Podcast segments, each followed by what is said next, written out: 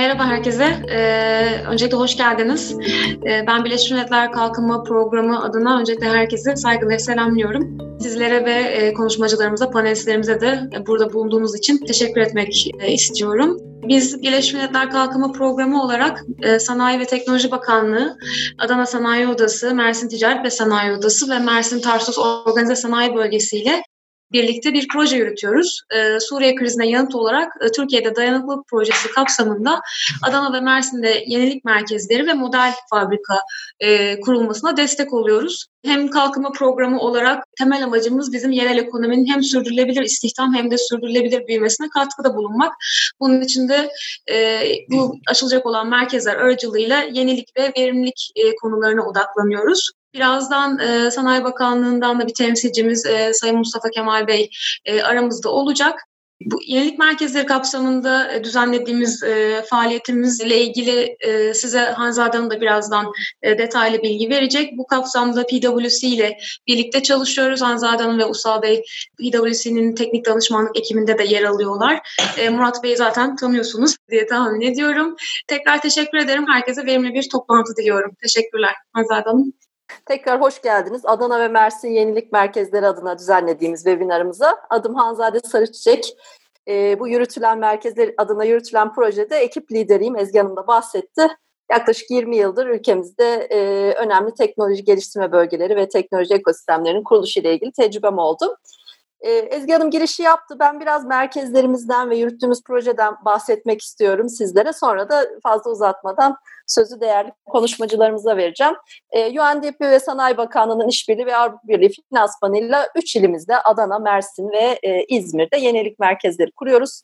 Projenin uygulayıcı kuruluşları, ortakları aslında o yerel sahipleri diyebilirim. Adana'da e, Adana Sanayi Odası, Mersin'de Tarsus OSB ve Mersin Sanayi ve Ticaret Odamız.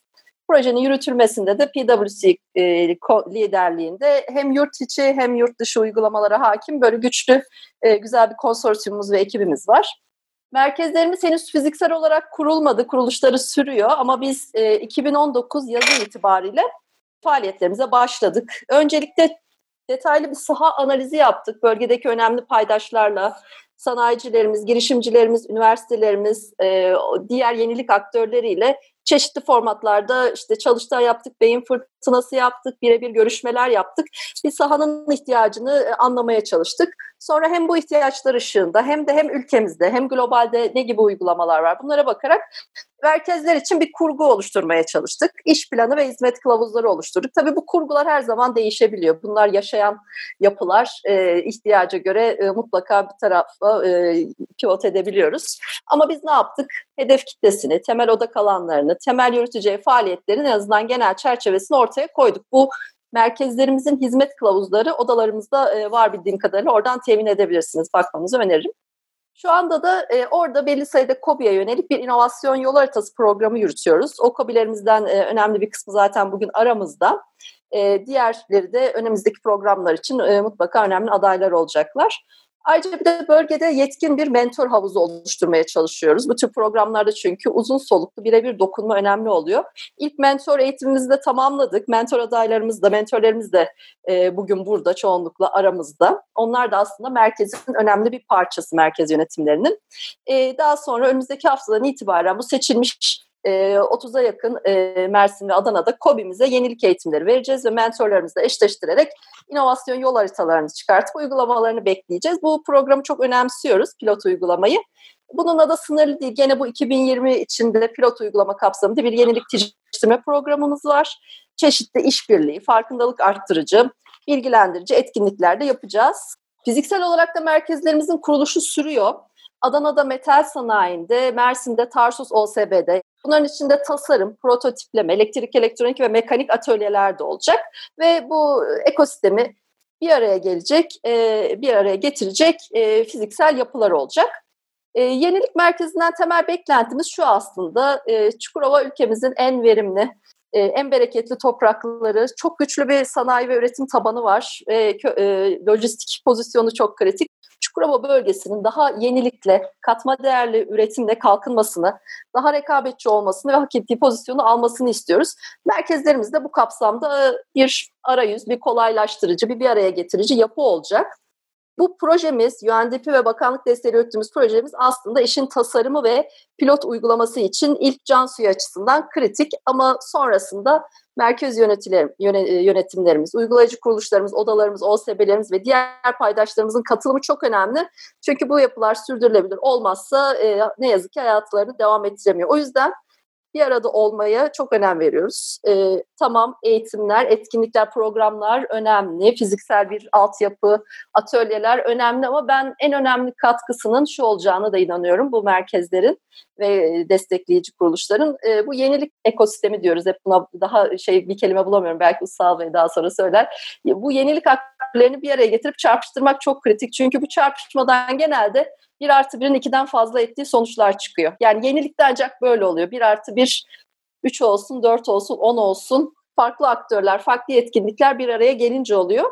E, bu webinerde aslında bir adım buna. Bugün de bir aradayız. İşte sanayicilerimiz, kobilerimiz, girişimcilerimiz, üniversitelerimiz var, mentorlarımız var, uygulayıcı kuruluşlarımız var.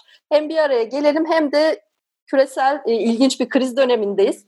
Bu kriz döneminden yenilikle e, nasıl çıkarız, nasıl bunu bir avantaja dönüştürürüz, neler yapabiliriz onu tartışacağız. E, konuşmacılara söz vermeden önce e, Sanayi ve Teknoloji Bakanlığımızdan Verimlilik Daire Başkanı Sayın Mustafa Kemal Akgül'e ben bir iki, iki dakika söz vermek istiyorum. Kendisi projenin bakanlık ayağındaki yöneticisi.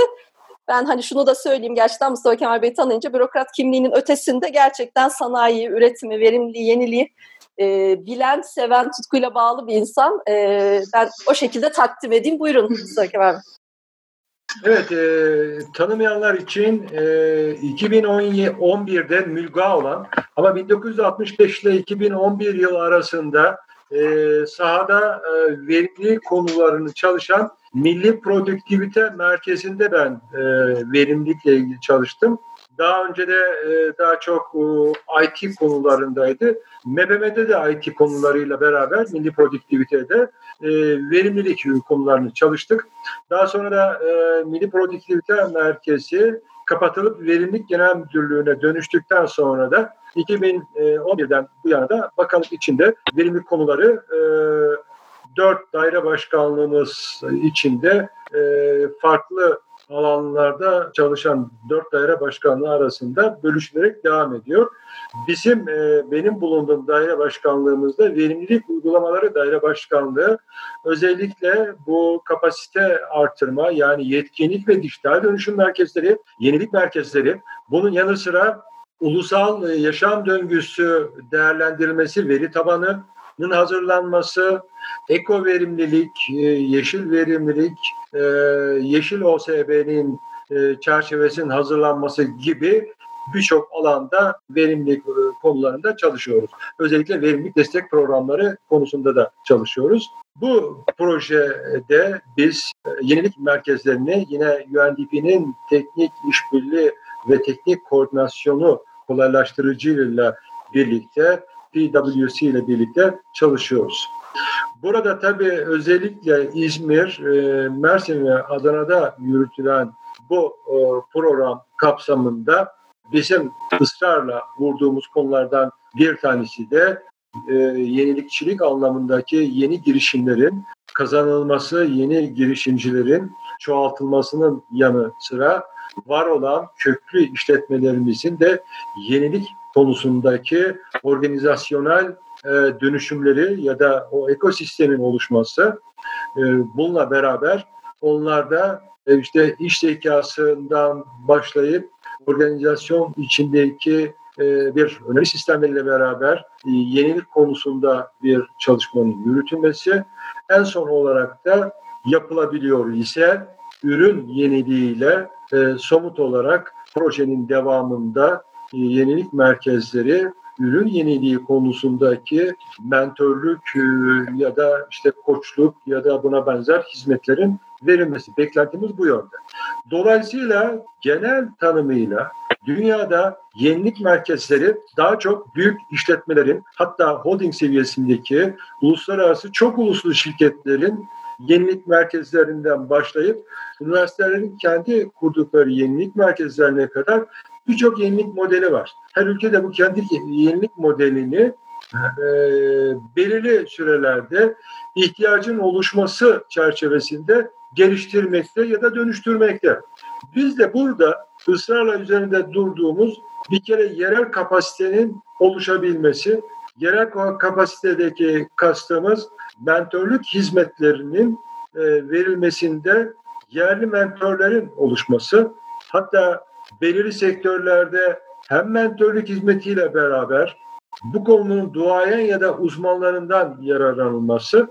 Ama adı ne olursa olsun yenilik programlarına girmiş bir işletmemizin bakın adı ne olursa olsun yapılan ve hizmetin ya da onların aldığı hizmetin adı ne olursa olsun bu işletmemizin mutlaka rekabetinin gelişmiş ve rekabet edilebilirlik seviyesinin artmış olmasını bekliyoruz.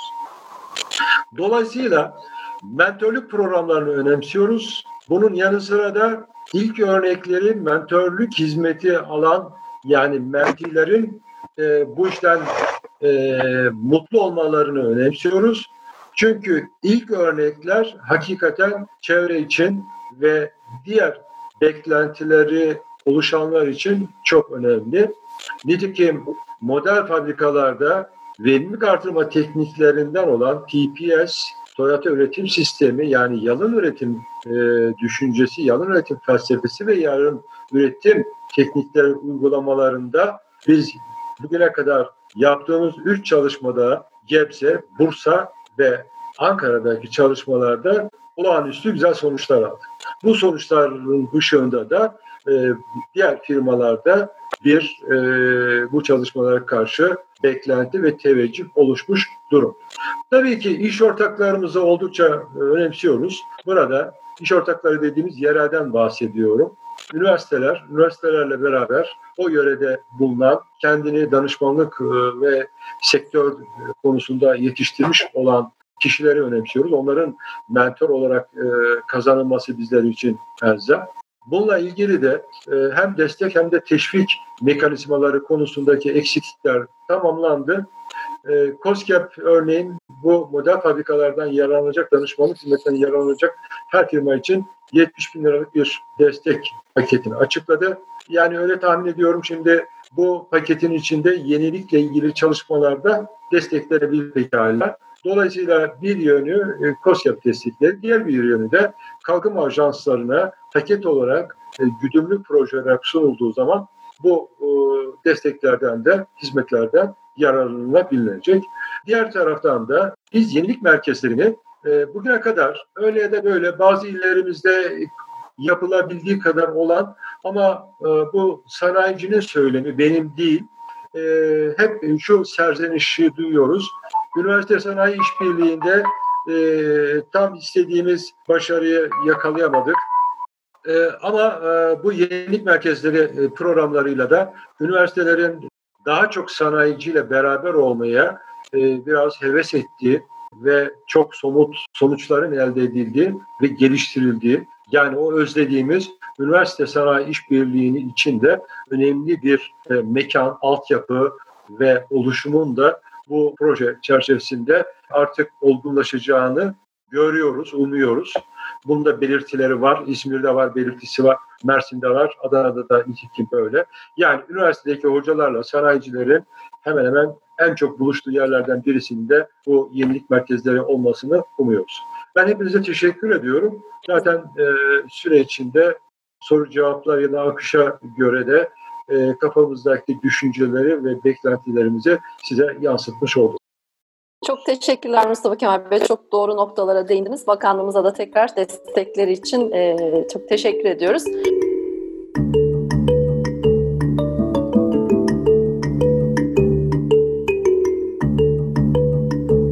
Hemen konuşmacılarımızı takdim etmek istiyorum. Sonra kendilerini gene birkaç dakika anlatmalarını isteyeceğim. İlk konuşmacımız Murat Bey, Murat Kolbaşı. Arzum'un yaklaşık 30 senedir Arzum'un içinde ve 10 seneden fazladır da yönetim kurulu başkanı. Aslında Arzum'un bu büyümesi teknolojiyle, tasarımla, yaratıcılıkla daha rekabetçi, öncü bir firma haline gelmesinde görüyoruz ki Murat Bey'in çok büyük bir katkısı olmuş. İkinci konuşmacımız e, Usal Bey, Usal Şahbaz Usal Bey de uzun yıllardır yenilik, girişimcilik, ekonomi, kamu politikaları bu alanlarda yazan, çizen, e, düşünen ve üreten bir insan. E, şu an Dünya Gazetesi yazarı, Usal Danışmanlık Şirketi'nin yönetici ortağı. E, ben Usta Bey ile ilgili de belki şunu bir tek ekleyebilirim. E, çok önemli görüyorum ben. Genelde biz işte bir taraftan bakarız. Kamudayızdır, özel sektördeyizdir, sivil toplumdayızdır ama Usta Bey'in hem kamu tecrübesi var, kamuda çalışmış ve kamuyla hala çalışmaya devam ediyor. Hem özel sektör tarafı var, hem GE gibi bir kurumsalda da çalışmış. Şu an startuplarla, girişimcilerle de çalışıyor. Hem de sivil toplum düşünce kuruluşlarında TEPAV gibi, EDAM gibi. Ben bu kombinasyonun çok kritik olduğunu düşünüyorum. Çünkü genelde bu bütünsel bakışla e, olaylar e, doğru, gerçekçi yorumlanıp çözüm üretilebiliyor. E, ben şimdi Murat Bey'e bir iki dakika kendinizi benim atladığım, anlatmak istediğiniz şeyler varsa kendinizle ilgili bir iki dakika. Murat Bey buyurun lütfen. Sevgili Hanzade Hanım, e, Mustafa Kemal Bey'e, e, Ustal Bey'e de sevgilerimi gönderiyorum buradan diğer panelist e, dostlara diyelim. Ve tabii ki bizi dinleyen bütün Adanalılara, e, Çukurovalılara da selamlar. Çünkü sen beni tanıttın, teşekkür ederim. E, ama bizim geldiğimiz topraklar neresi diye sorarsan, biz aslen Konyalı olmakla birlikte 1930'daki e, ekonomik e, bunalım sonrasında ailenin Adana'ya göç etmesi, e, dolayısıyla aslında o topraklardan çıkan bir markayız e, ve tüm Türkiye'ye mal olmaya çalışıyoruz. Hala bunu devam ediyoruz. Dünyada da markamızı, Türkiye'deki var olan geleneklerimizi işte Türk kahvesi gibi dünyaya taşımaya devam ediyoruz. Senin bu güzel örneğine e, şöyle bir atıfta bulmak isterim. Biz aşağı yukarı benle yaşıt marka, 54 yıllık bir marka, babam ve iki amcamın kurduğu bir şirket. Ben de biraz önce söylediğin gibi 1988'den beri içindeyim. Babam rahmetli olduktan sonra devreye girerek e, çeşitli kademelerde çalıştık e, ve daha sonra da amcalarımın da rahmetli olmasıyla yönetim kurulu başkanlığına geldik. Yabancı ortaklıklar yaptık. Ama şöyle bir özelliğimiz var Türkiye'de. Yaklaşık her yıl 3,5-4 milyon adet ürün satıyoruz. Ve bu ürünlerle, sattığımız ürünlerle Türkiye'de de adette pazar lideriyiz. Ciro'da ise ilk 5'teyiz. Dolayısıyla böyle hanelerde arzun çıkması güzel bir şey. Umarım sen de memnunsundur. Ayrıca dinleyenler arasında herhangi bir şikayet varsa da onları da duymak ve onlara da yardımcı olmak isterim.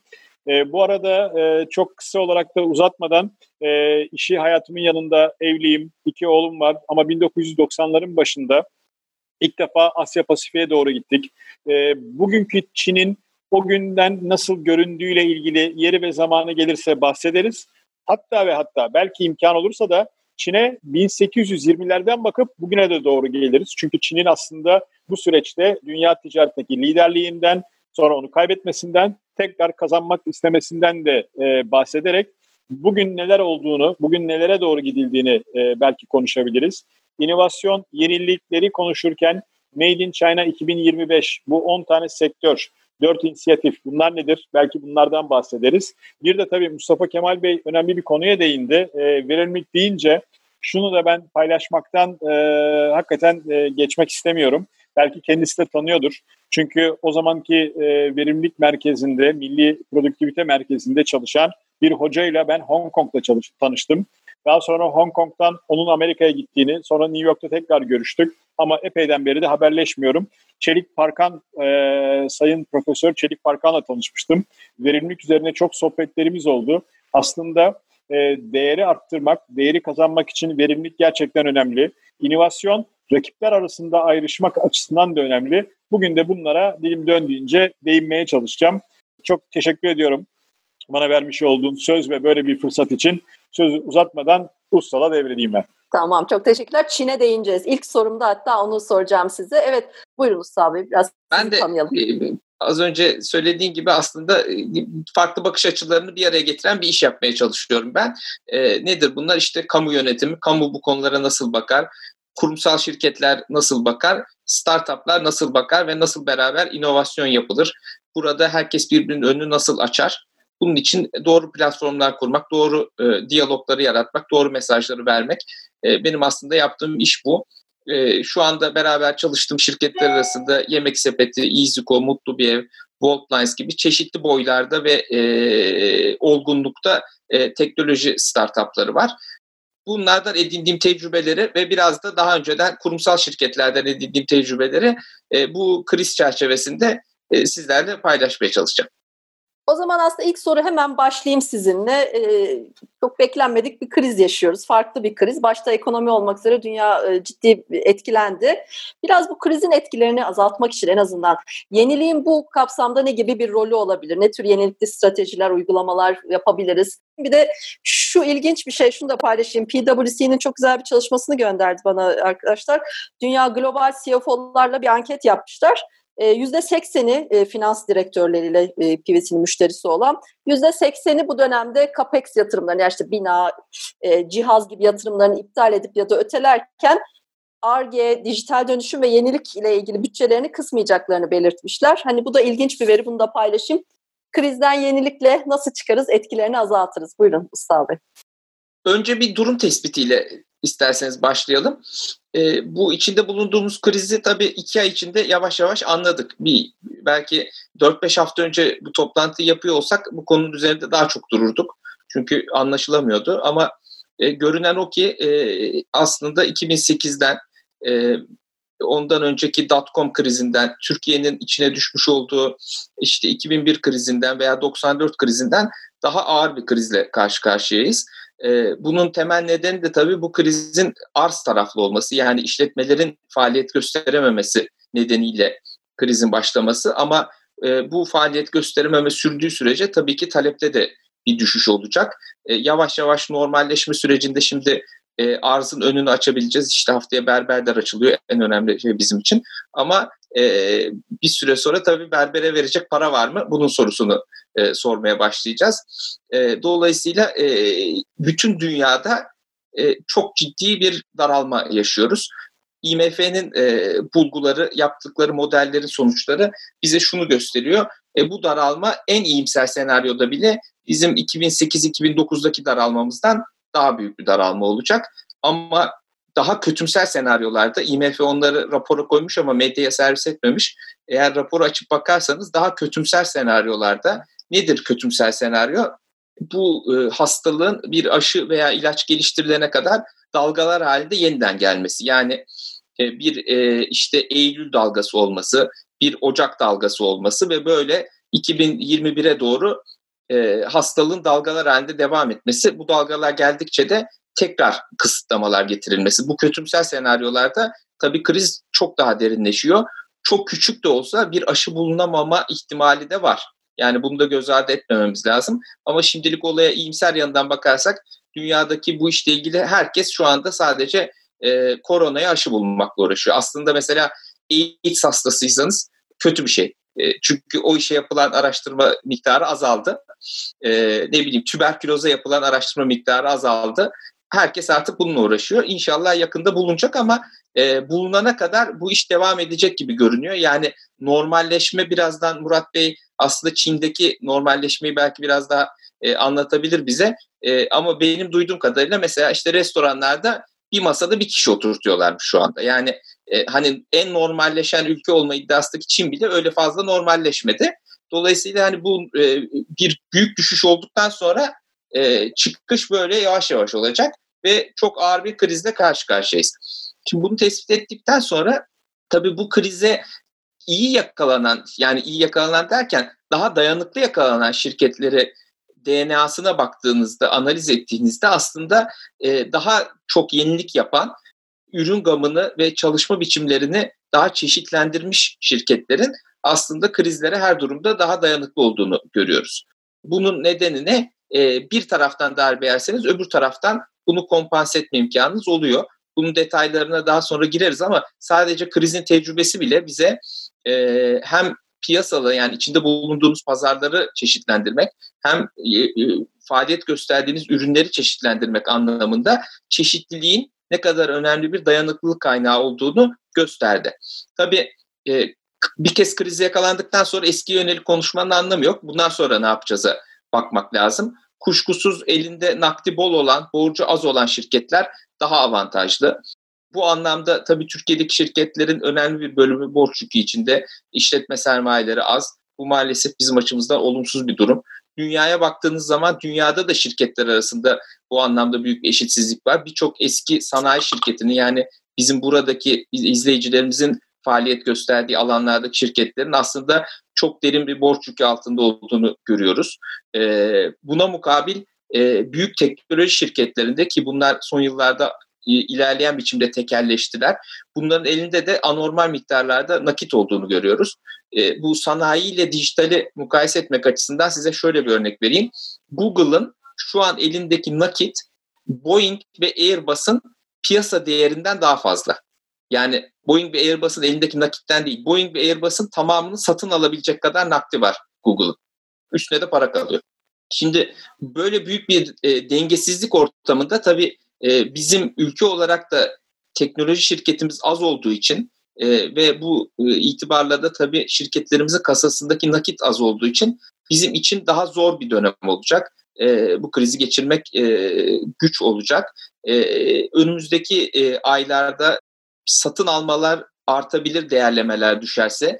Bir örnek vereyim. E, mesela Facebook Hindistan'da Reliance Industries oranın en büyük şirketlerinden biridir Murat Bey de bilir. Onların %10'unu satın aldı. Telco vesaire işleri var. Orada WhatsApp'la entegre etmeyi düşünüyor. Bu tip teknoloji şirketlerinden satın almalar gelebilir. Tabii fiyatlar ucuzlayacaktır. Biraz kelepire gidecektir e, şirketler. Böyle riskler de var. Bununla ilgili de bence politikalar geliştirilmesi lazım. Hem şirketlerimiz tarafında hem kamu tarafında. Çünkü dışarıda çok nakde olan şirketler var şu anda. İnovasyon tarafına dönecek olursak burada iki tane düşünce tarzı var. E, bir tanesi her şey değişecek, yeni bir dünya kurulacak diyenler. Bir tanesi de e, insan e, kendi huylu huyundan vazgeçmez. Bir süre sonra herkes eski huyuna döner diyenler. E, ben biraz ikinci taraftayım. Yani ben böyle birdenbire herkesin e, artık sadece evden çalışacağını falan düşünmüyorum. Gene huylu huyundan vazgeçmez. Bir süre sonra işler normalleşir ama zaten bence hali hazırda var olan bazı trendler bu vesileyle ivmelenecektir, hızlanacaktır diye düşünüyorum. E, dijitalleşme de tabii bunların başında geliyor ama farklı sektörlerde dijitalleşme. Yani basit bir örnek verelim. Bence mesela sinemalar zaten ölüyordu. E, herkes Netflix'ten film izliyordu. E, sinemalara ilgi azalmıştı. İşte mısır satarak falan hayatta kalmaya çalışıyorlardı. Büyük bir ihtimalle bu krizden sonra bazı sinemalar hiç açılamayacak. Yani bu ölme süreci hızlanacak. Ama bu korona vasıtasıyla ortaya çıkan bir trend değil. Zaten olan bir trendin e, ivmelenmesi. E, ama mesela e, ben e, iki sene sonra, üç sene sonra bu e, işte cruise shiplerin vesaire tekrar hayata döneceğini düşünüyorum. Yani o iş bitmez. Çünkü onun aleyhine bir trend yoktu dünyada. E, insanlar gezmeyi seviyordu. İşte nüfus yaşlandıkça böyle cruise shiplere falan ilgi artıyordu. İnşallah fazla yaşlımızda ölmezse bu koronada gene o işlere ilgi bir noktadan sonra normalleştikten sonra geri dönecektir. Ama olan trendler bence hızlanacak. İşte sinema bunların bir örneğiydi. Daha birçok örnek böyle konuşarak bulabiliriz. Yani bu e, şey yükselen bazı trendler e, dijital dönüşüm devam edecek diyorsunuz ve pazar ve ürün çeşitliliği olan firmalar e, bu süreçte güçlü olacak diye anladım ve e, gelir dengesizliğinden de bahsettiniz. Bu kritik bir konu. Bir tarafta nakit var, bir tarafta nakit yok. Buna yönelik belki yaratıcı bazı çözümlerle, e, satın almalarla işler iyileşebilir diyorsunuz.